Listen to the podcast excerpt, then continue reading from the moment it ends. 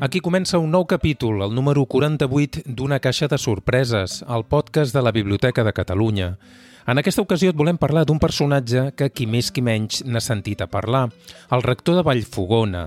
Així és com es coneixia popularment Vicent Garcia, un dels més grans poetes catalans del barroc. Però qui va ser realment Vicent Garcia? Què en sabem de la seva vida? I per què és tan popular encara avui en dia?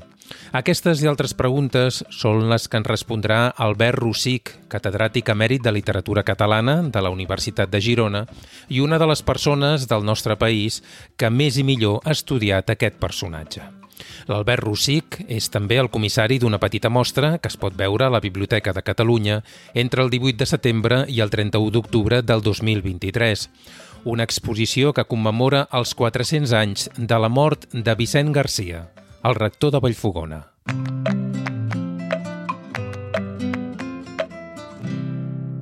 Una caixa de sorpreses, el podcast de la Biblioteca de Catalunya.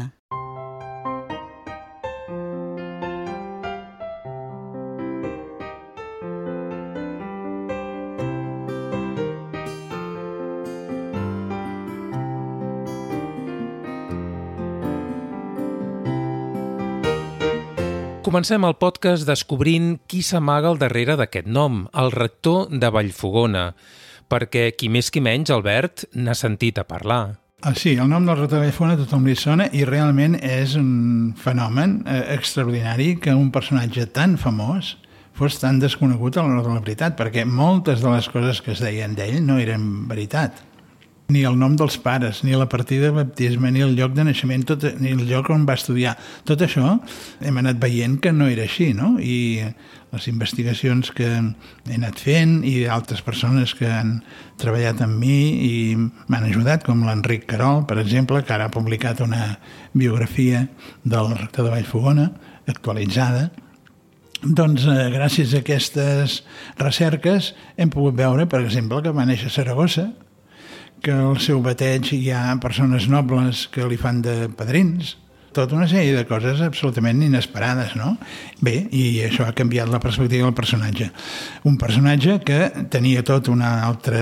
unes biografies molt diferents, que si era una família pobra, que si, havien, que els pares eren pobres pescadors, bé, tot això se n'ha anat a l'aigua, no té res de, de real, hi ha molta gent que es pensava que el rector de Vallfogona en realitat era un personatge inventat, que no havia existit mai. També s'havia de lluitar contra una altra cosa, que és la imatge folclòrica, perquè el rector de Vallfogona era un nom que sonava molt, però molta gent es pensava que era un personatge inventat. A Catalunya hi ha tres pobles que es diuen Vallfogona. Vallfogona del Ripollès, Vallfogona de Riucorp i Vallfogona de Balaguer. Doncs eh, hi havia persones del Ripollès, per exemple, que pensaven que el rector de Vallfogona era d'allà, de Vallfogona del Ripollès, no?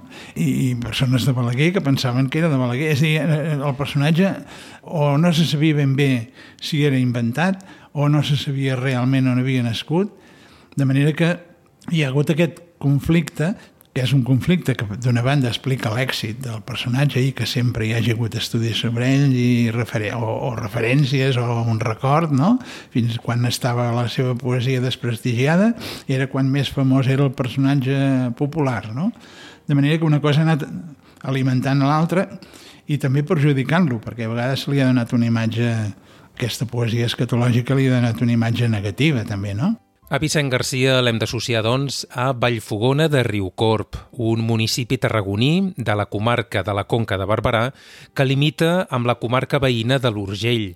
Té una extensió de gairebé 11 quilòmetres quadrats i, segons l'IDESCAT, Institut d'Estadística de Catalunya, l'any 2022 tenia una població de només 89 habitants. El cas és que fonamentalment hi ha això, un personatge real, que és un poeta, un poeta barroc molt important, perquè després el seguiran molts escriptors i l'imitaran, i per altra banda un personatge folclòric que és molt important en la història de l'humor català i que ha tingut tota una sèrie de... Bueno, una creativitat i una vitalitat impressionants. Vicent Garcia, el rector de Vallfogona, va viure entre els anys 1579 i 1623. Això vol dir que va morir amb tot just 44 anys. Bé, ell eh, va intentar sempre mm, relacionar-se amb persones importants, però mm, va anar amb diverses famílies i no sembla que acabés mm, centrant-se en un cas concret, no? perquè primer el veiem vinculat amb el bisbe de Vic, el bisbe Robuster, que era un personatge molt important en aquell moment, a començament del segle XVII, Després el veiem vinculat a la família Moncada, acaba sent secretari d'un bisbe, Pere de Moncada, que era fill natural del marquès d'Aitona, que en fi, el Moncada pare, no? Però es va morir de seguida, de manera que ell no va poder acabar de... No sabem exactament quina era la seva intenció. Veiem que es relaciona amb famílies importants, també fa un viatge amb el virrei Almazán, en aquell moment, el marquès d'Almazán, però no veiem que tot això acabi fructificant. Sempre acaba tornant a la rectoria de Vallfogona, que és on acaba morint, que és el lloc en què ell sempre va retornant i sempre és el lloc central de la seva vida, no? Que, a més a més, ell sempre signava amb el seu nom i posant sempre rector de Vallfogona. Per Albert Rossic, poeta i rector són indissolubles, han d'anar units. Al principi de la reivindicació que es va fer de la poesia de Vicent Garcia, als anys 70, 80, a la universitat, semblava que el, el personatge folclòric feia mal al personatge real i aleshores es, es va començar a dir no hauríem de parlar mai de rector de Vallfogona, hauríem de parlar de Vicent Garcia, el, un gran poeta barroc, i abandonar tot això del rector de Vallfogona, que és una cosa folclòrica i que és una cosa que el perjudica. Però, és clar, jo crec que això és un error, perquè tota la vida el personatge de Vicent Garcia va lligat amb el títol de rector de Vallfogona. Ell ho posa sempre. I en molts moments aquesta és la, la peça que garanteix la seva vitalitat i el seu coneixement. La gent de Vallfogona se l'estima com a un personatge central de la història del poble i crec que abandonar el record de rector de Vallfogona, que l'ha acompanyat tota la seva vida, és falsejar el personatge i falsejar la història.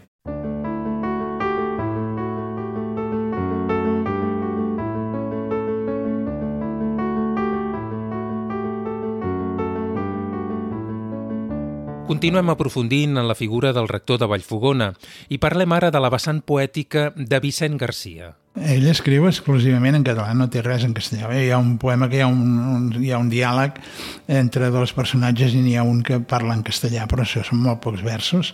De fet, ell escriu sempre en català i és perquè el seu públic doncs, era un públic eh, català, començament del segle XVII, la gent del seu entorn, la petita noblesa que, que també està al seu costat, doncs eh, tots eren naturalment catalanoparlants. El català és la llengua de l'Estat, és a dir, de l'Estat català, del de Catalunya dintre de la Corona d'Aragó, mm, tenia una autonomia total i, evidentment, la llengua que, que fan servir les institucions i les lleis i totes les coses importants és el català i que és el que ell fa servir. Una altra cosa és que també hi hagi algun escriptor que li, per la moda i per l'èxit de la literatura castellana publiqui alguna cosa en castellà, però vaja, això és una cosa que també passa ara i no ens estranyem pas. De manera que no té res d'estrany que ell escrigui en català perquè era el seu públic. Un dels trets que probablement poden sorprendre més de la poesia del nostre personatge, Albert, és que un capellà com Vicent Garcia escrivís poemes de temàtica eròtica o escatològica. En part sí, perquè, per exemple, hi ha un aspecte d'aquesta literatura burlesca que té un trasfons moral. És a dir, quan eh, el poeta insulta una dona o la critica eh, d'una manera més o menys humorística, també és una manera de criticar vicis d'aquelles persones, no? Quan es riu de, de la gent o la ridiculitza, en el fons està donant una lliçó moral, una lliçó moral que no es dona predicant i de manera seriosa, sinó d'una manera humorística, ridiculitzant aquelles persones que actuen d'una manera incorrecta. Per tant, a vegades, aquesta literatura eròtica o escatològica, és una literatura que fa riure, evidentment, però que té un altre objectiu més enllà, també, que és el de ridiculitzar males conductes. I en tot cas és una literatura eròtica que evidentment no serveix per excitar ni, ni, fi, ni és una literatura perversa, sinó que el que fa simplement és eh, ensenyar que la mala conducta és ridícula i porta al fracàs. En tot cas, podem dir que Vicent Garcia és el poeta català més important del barroc? Bé, és el que es converteix en, en el capdavanter d'una escola, això sí. Però, per exemple, sorgeixen dintre del barroc altres autors molt diferents, com Francesc Fontanella, per exemple, que també és un gran poeta barroc, tot que és d'un estil molt diferent, molt més retòric, molt més seriós, a vegades eh, dramàtic, cosa que contrasta molt amb, el, amb la poesia de Vicent Garcia, que té tot un altre to. Però el mateix Fontanella, una vegada que fa de jutge d'un certamen, escull el nom del rector de Vallfogona, que evidentment ja era mort, l'escull com a representant de la poesia catalana moderna, no? Cita Osias Marc, el pare dels antics, i cita Vicent Garcia, que és el pastor dels moderns. Per tant, aquesta primacia li reconeixen tots si és el millor o no, alguns poemes de Fontanella són excepcionals. I Fontanella té una obra més completa des del punt de vista del teatre, per exemple, molt important. Però, eh, per tant, també és un autor important. N'hi ha d'altres, com Josep Blanc, que té poesies d'una doncs, complexitat retòrica molt important també i que convindria editar eh, aviat, no? perquè no hi ha una edició moderna eh, actualment al, al carrer. Per tant, eh, si és el millor o no, potser seria discutible, però eh, és el capdavanter d'una escola. A diferència d'altres autors del seu temps, Vicent Garcia no tenia l'anel de passar a la posteritat. Per exemple, Fontanella, que és l'altre gran nom del barroc, es preocupa per divulgar la seva obra, té una ambició literària, eh, ja conservem algun manuscrit preparat per ell, mm, és un autor que pensa en la posteritat. En canvi, Vicent Garcia no escriu ben bé ara per un amic, ara per un compromís, ara perquè li, li deuen haver pagat perquè escrigui allò, i, i no té aquesta preocupació. De manera que, esclar, la seva producció eh, és més variada i algunes coses potser estan fetes més per passar el temps i per anar ràpid que no per anar-s'hi mirant, no? Per tant, potser trobaríem algunes composicions diverses des del punt de vista de la qualitat però que és el capdavanter que inicia aquesta escola, que obre nous camins a la poesia catalana, tot això no li discuteix ningú. La fama a Vicent Garcia li arriba sobretot després de la seva mort. I el gran reconeixement de començament del segle XVIII, quan l'Acadèmia dels Desconfiats publica la seva obra i diuen que és el Virgili català i, i que és el més gran català que hi ha hagut. Bé, aquí, evidentment, l'elogi és eh, absolutament màxim, no? Però en vida segurament ja tenia fama i, de fet, hi ha un poema en què ell... Eh, un poema molt divertit, i a mi m'agrada molt esmentar-lo perquè reflecteix molt com és el personatge. Ell publica una poesia còmica parlant de la seva majordona, que la seva majordona doncs, és bruta, que li va al darrere... Bé, un poema humorístic, que evidentment és fantasiós, i aleshores es veu que aquesta poesia doncs, li van celebrar. I aleshores escriu un poema dient, ai, Ara resulta que escric una cosa allò per entretenir-me i que no, que sense cap pretensió, i ara per culpa d'això em diuen que sóc un gran poeta i que sóc fantàstic. I... Doncs vinga, doncs sí, home, que sigui com sigui, que, eh, que hi ha tot en Virgili que ja es pot retirar al meu costat, Marcial també, etc. No? I va fent tot de bromes. Diu, i, eh, sóc tan important que no hi haurà al món prous eh, fulles de llor per guarnir el meu cap. I aleshores és molt divertit perquè veus com ell mateix es riu d'ell mateix, no? Perquè diu que no es pensi ningú quan dic que no hi ha prou fulles de llor per guarnir el, el meu cap, que no es pensi ningú que sóc cap gros. Perquè el meu cap, diu, té exactament la mida d'un orinal. És clar, veure que ell mateix compara el seu cap amb un orinal demostra un sentit de l'humor total en què no només es riu dels altres, sinó que es riu també d'ell mateix. Però també demostra que aquest tipus de poesia satírica i humorística ja havia estat celebrada quan era viu.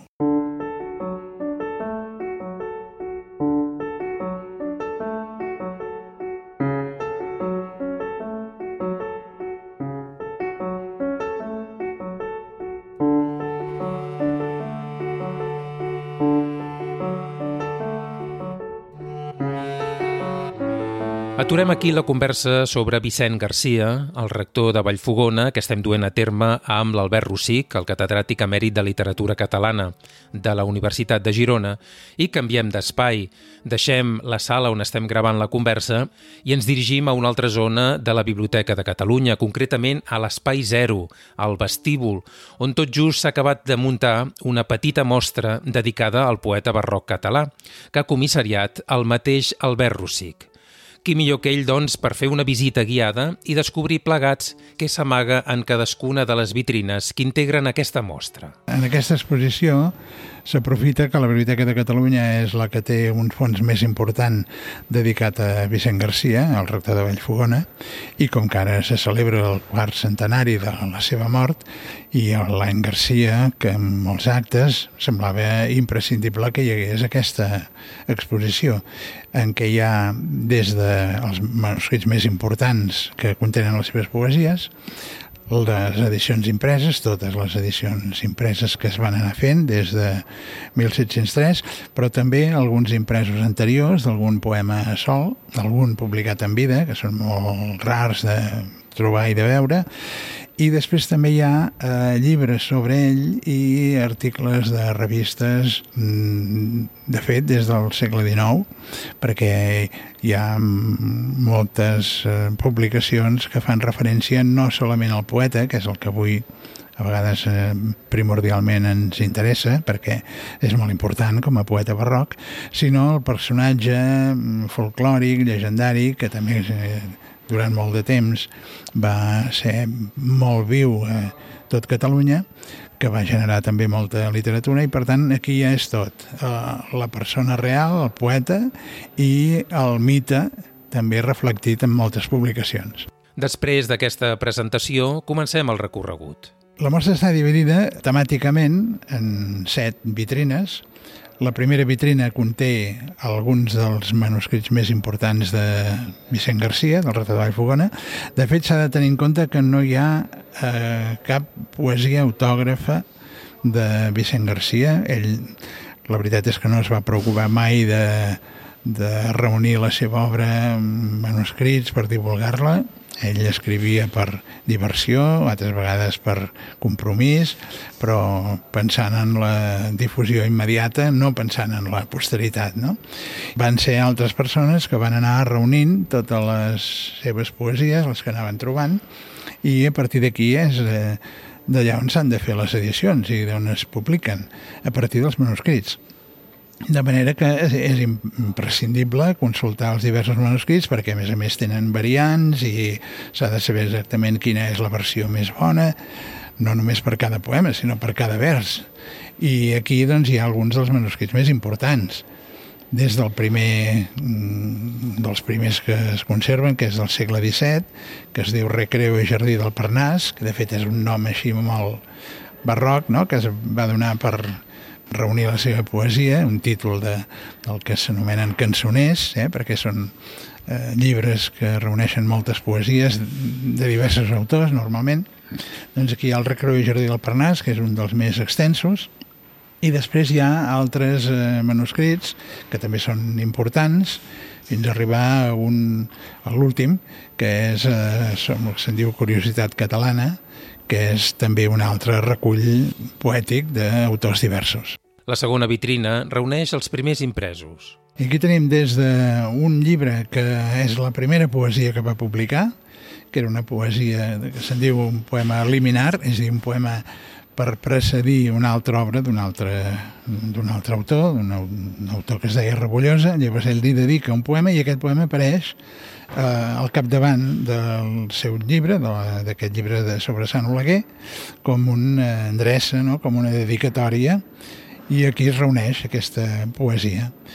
Després hi ha la, un altre poema que també es va publicar en vida però anònimament, és una altra prova que ell de fet no desitjava divulgar la seva obra com la d'un gran poeta, sinó simplement satisfer unes necessitats immediates.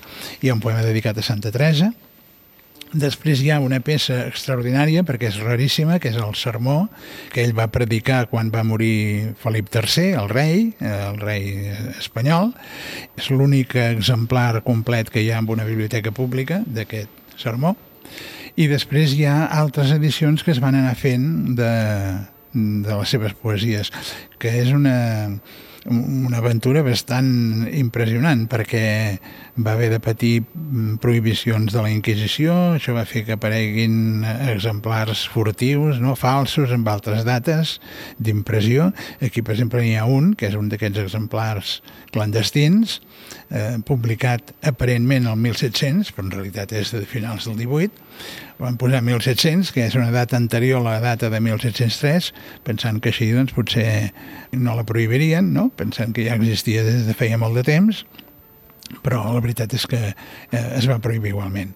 I després altres versions eh, de 1820, el 1820 es va abolir la Inquisició i de seguida van sortir edicions per recuperar el temps perdut, en van aparèixer dos de diferents, el 1820, Després va tornar a venir la Inquisició, es va tornar a prohibir i tornen a haver edicions eh, manipulades, censurades, amb pàgines eh, arrencades. Eh, I aquí hi ha, per exemple, una edició de 1830 que consistia, de fet, en l'edició de 1820, però eliminant pàgines més o menys compromeses. No?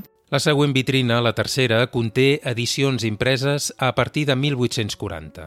La de 1840 és especialment important, la va fer un intel·lectual que es deia Joaquim Rubió i Ors, que era molt jove quan ho va fer, que va um, completar-la amb moltes altres poesies més o menys eròtiques o, en fi, que havien quedat eh, marginades fins a aquell moment. Eh, aquí es van afegir amb un suplement, per tant és l'edició més completa que hi ha, la de 1840, fins a aquell moment. Després aquesta edició va tenir altres variants, però llavors va començar la mala fama del rector de Vallfogona, que els erudits van començar a dir que era un autor que era immoral, que era un autor que era castellanitzat i, i, i aleshores doncs, va, va patir aquest desprestigi que va fer que eh, les edicions ja no estaven propiciades per intel·lectuals importants, sinó pel sector vinculat a Frederic Soler, Pitarra, que era un autor de teatre, que era, més aviat feia coses humorístiques, que eh, es va identificar amb el personatge de Vicent Garcia una mica, eh, perquè de la mateixa manera que Vicent Garcia, que tenia tanta fama i tant d'èxit, els intel·lectuals el condemnaven dient que era castellanitzat, que era popular, que era vulgar, etc amb ell també li deien, no? Ell també veia que tenia un gran èxit, molt més que molts altres escriptors famosos que anaven als Jocs Florals, i en canvi no li reconeixien. I per què? Per enveja, no? Ell interpretava que era això, que era enveja pel seu èxit, i aleshores s'identificava amb el rector de Vallfogona, que també va ser víctima de l'enveja, perquè també era tan famós, i també el van perseguir, i aleshores doncs, eh, és un cas molt interessant de, identificació literària amb aquest personatge i això va durar uns anys en què va fer una obra de teatre que se'n deia El rector de Vallfogona, que surt d'aquí amb una altra vitrina, perquè aquí només hi ha les obres seves, no? Però aquí, de fet, hi ha això, totes les edicions que es van anar fent, fins a arribar a les últimes, quan hi ha els estudiosos i els, en fi, els intel·lectuals, a partir dels anys 80, sobretot del segle passat, finals del segle XX, eh, quan no, hi torna a haver eh, filologia catalana a les universitats i, hi apareixen nous investigadors, doncs aleshores es comença a dir, bé, tota aquesta poesia que ha estat oblidada tot aquest temps, tornem-la a mirar i hi ha tota una reivindicació i un estudi acadèmic altra vegada. I les últimes edicions que hi ha aquí, en aquesta vitrina s'acaben justament amb les que ja són fetes per professors universitaris i gent acadèmica, de manera que ja es clou una mica el periple de les seves edicions que van començar fetes per intel·lectuals i acadèmics. De fet, la primera edició surt del, del que era l'Acadèmia dels Desconfiats, que és l'antecedent de l'Acadèmia de Bones Lletres. Aquestes últimes tornen a ser edicions fetes per acadèmics i s'ha tancat tot aquesta, això que deia aquest periple tan curiós d'un autor que passa de ser el més famós de tots els escriptors catalans, després el consideren el culpable de la decadència literària catalana i ara torna a ser l'autor més important del barroc i un autor fonamental per entendre la literatura catalana.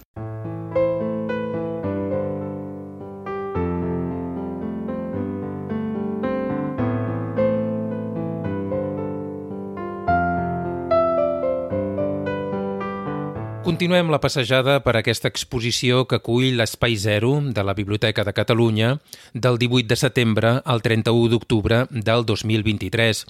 Una exposició d'entrada lliure i gratuïta que es titula Vicent Garcia, rector de Vallfogona, quart centenari de la seva mort. L'Albert Rossic, el comissari de la mostra, ens parla de la selecció de publicacions i revistes que podem trobar en la quarta vitrina. Tot i que els intel·lectuals ja havien començat a dir que era un autor que era negatiu i que el seu estil no s'havia d'imitar i que era castellanitzat i eròtic i escatològic, hi ha tota aquesta reivindicació que fan des dels sectors més populars que es reflecteixen en revistes, homenatges, però sempre des d'aquest eh, sector menys acadèmic, no? Al voltant de Frederic Soler, per exemple, surten revistes com l'Ur Rector de Vallfogona, també se celebraran homenatges i aquí també hi ha doncs, eh, pàgines en què es veuen imatges d'un homenatge que se li va fer el 1879 al poble de Vallfogona, que va tenir diversos incidents, però hi ha aquí una imatge preciosa d'una revista que se'n diu La Llumanera de Nova York, en què es veu l'homenatge que es fa molt idealitzat al rector aquell any.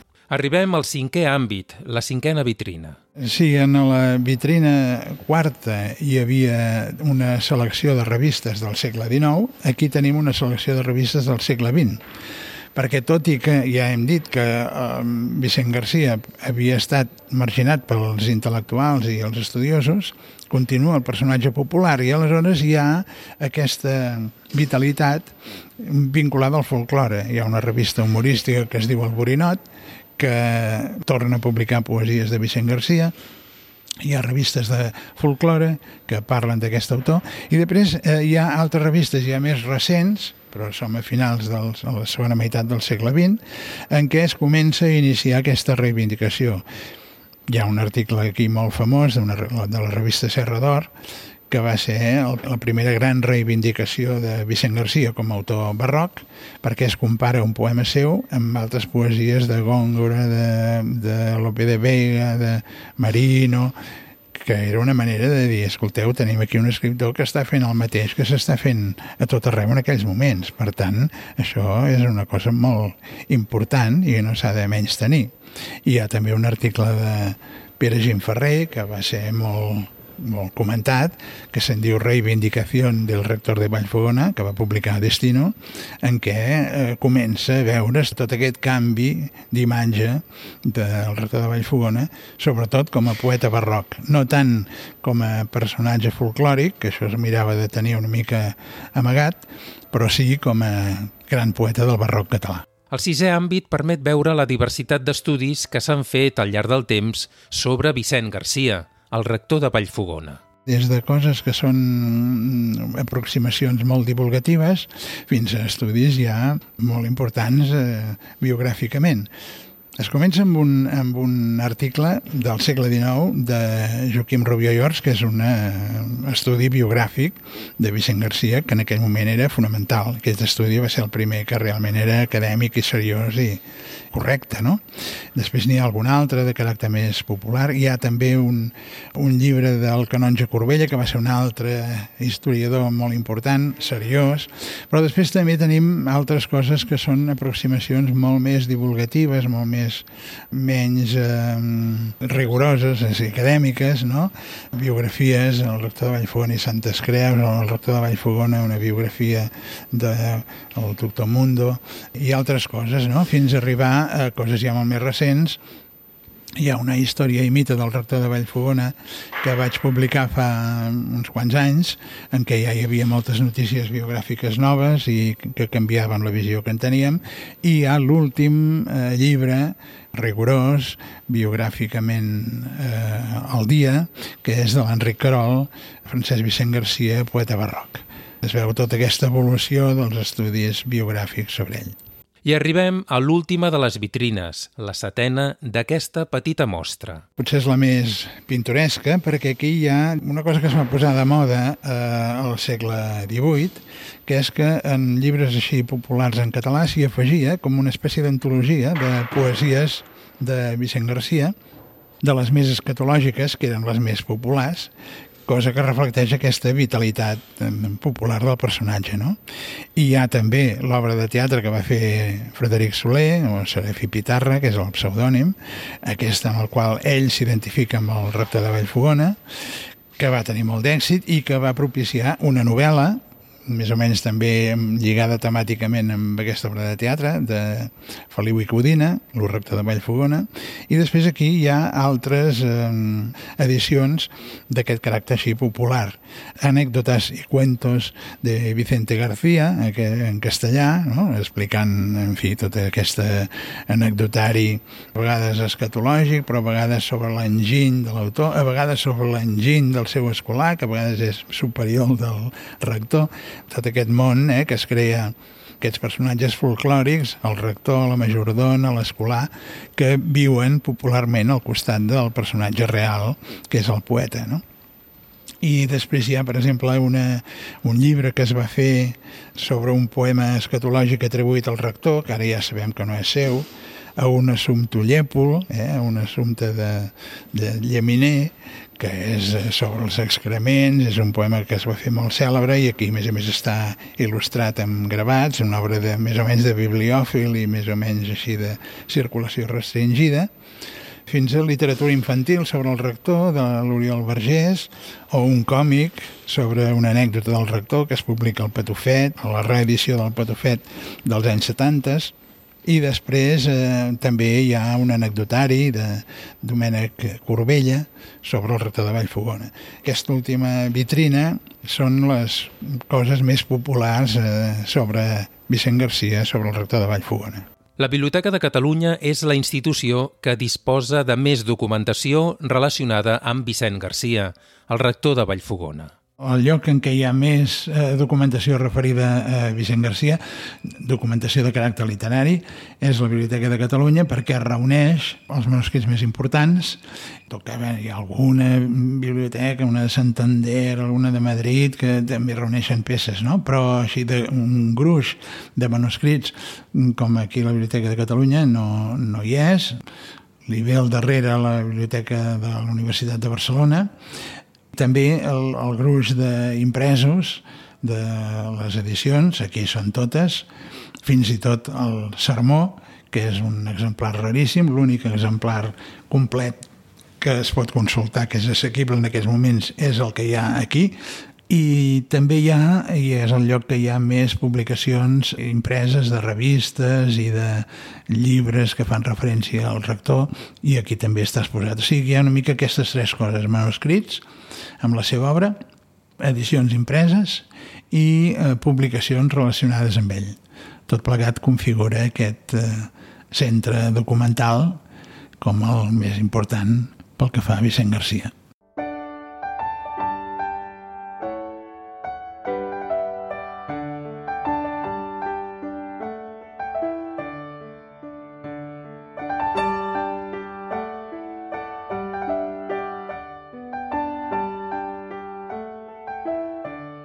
Cop visitada la mostra de l'Espai Zero, dedicada a Vicent Garcia, deixem aquest àmbit, el vestíbul de la biblioteca, però continuem encara la nostra conversa amb l'Albert Rossic sobre el rector de Vallfogona. Li demano a l'Albert que ens recomani una bona manera per endinsar-nos en la poesia d'aquest autor. Per on podrien començar? Bé, ara ha sortit una, una edició fa pocs mesos, l'he fet jo mateix perquè és una edició que està en curs acabarà tenint tres volums, ara en té un, l'any que ve surt el segon, i amb això s'acaba la seva poesia. I jo crec que aquest llibre, és, eh, aquesta edició, és mm, perfecta per a un lector que hi vulgui entrar, perquè eh, els poemes apareixen eh, contextualitzats i comentats amb les dificultats que tinguin, perquè alguna vegada potser la dificultat de Vicent Garcia, tot i que és un autor molt assequible perquè és còmic i fa gràcia llegir-lo, eh, a vegades la dificultat és alguna expressió, alguna imatge, alguna referència històrica, algunes coses que no entendríem. I amb els aclariments queda perfectament clar i eh, es permet gaudir molt més d'aquesta poesia crec que, en fi, que aquestes edicions que aniran sortint a Editorial Barsino són la millor entrada a la seva poesia actualment. L'any 2023 ha estat declarat per la Generalitat de Catalunya any rector de Vallfogona. Li pregunto a l'Albert Rossic fins a quin punt aquest aniversari, els 400 anys de la mort de Vicent Garcia, ha servit per fer-lo més present i també per generar una gran quantitat d'activitats i publicacions sobre aquest personatge ha estat l'ocasió que es fessin molts actes i moltes reivindicacions. Ha coincidit l'edició de les seves poesies amb la biografia actualitzada d'en Carol, amb una reedició de l'anecdotari de, del rector de Vallfogona que va fer Joan Amades l'any 1939 i que estava exaurit. Ara ha tornat a, doncs, en apareix una reedició per conèixer també el personatge folclòric. Eh, Jaume Fàbrega ha fet un llibre sobre la cuina a l'època del rector. Hi ha altres llibres que relacionats amb això i algun que encara no ha aparegut. Tot això ha posat el personatge sobre la taula i ha obligat eh, moltes persones que potser pensaven que, que, en fi, que era un autor molt secundari i, i que no tenia especial importància, doncs ara l'han descobert. Jo crec que ha estat un any rodó perquè s'hi ha juntat no solament l'aspecte acadèmic, que potser, bueno, que hauria arribat evidentment a uns sectors, però que hauria quedat una mica fred de cara al públic en general, doncs això ha vingut acompanyat del record del, del rector com a personatge també folclòric i amb la participació de moltes iniciatives de caràcter popular del, del poble de Vallfogona, eh, molta gent que s'ha sentit eh, implicada i que ha trobat, a més a més, eh, en aquesta celebració un coixí per fer art, literatura, música i per conèixer més la seva obra. Per Albert Rossic, haver pogut editar l'obra completa de Vicent Garcia i comissariar també una mostra a la Biblioteca de Catalunya sobre aquest personatge, d'alguna manera és com tancar un cicle quan em vaig posar a fer realment la meva carrera d'investigador, venia aquí. I això era als anys 70. I en aquella època hi havia molts menys investigadors que els que van anar venint després. Bé, ara la cosa ha tornat a canviar perquè ara amb, amb les digitalitzacions i amb la facilitat del préstec interbibliotecari no cal anar a les biblioteques tant com passava fa 20 o 30 anys, no? Però quan jo vaig venir aquí hi havia relativament poca gent. Bé, hi ha, hi ha una cosa, una anècdota personal que tindrà gràcia explicar-la, i és que eh, en aquella època, quan algú consultava un manuscrit, hi havia unes fitxes, hi havia un fitxer de consultes, que suposo que ara ja no existeix, o potser està informatitzat, però en tot cas hi havia un, un, unes fitxes, i en aquelles fitxes hi havia el nom de les persones que havien consultat cada manuscrit i l'any, no? I el dia que vaig descobrir, no, obrint un d'aquests manuscrits, que sortia el nom no sé, de Jordi Rubió i Balaguer, 1930 no sé què, Martí de Riquer, 1940, Antoni Comas, i veure, i a sota de tot, el nom d'un pobre estudiant que era jo, no? Albert Rossic, allà sota, eh, que també havia consultat el meu llibre al costat d'aquestes figures, era una cosa que realment en aquella, quan ets jovenet, feia molta il·lusió, no? Era, pensaves, ostres, estàs convertint en un, en un investigador. Bé, veure que ara tota aquesta feina que he fet doncs, ha donat el resultat de la publicació de l'obra completa de Vicent Garcia i aquesta exposició amb aquells mateixos manuscrits que jo havia consultat és una mica com tancar un cicle i produeix realment molta satisfacció.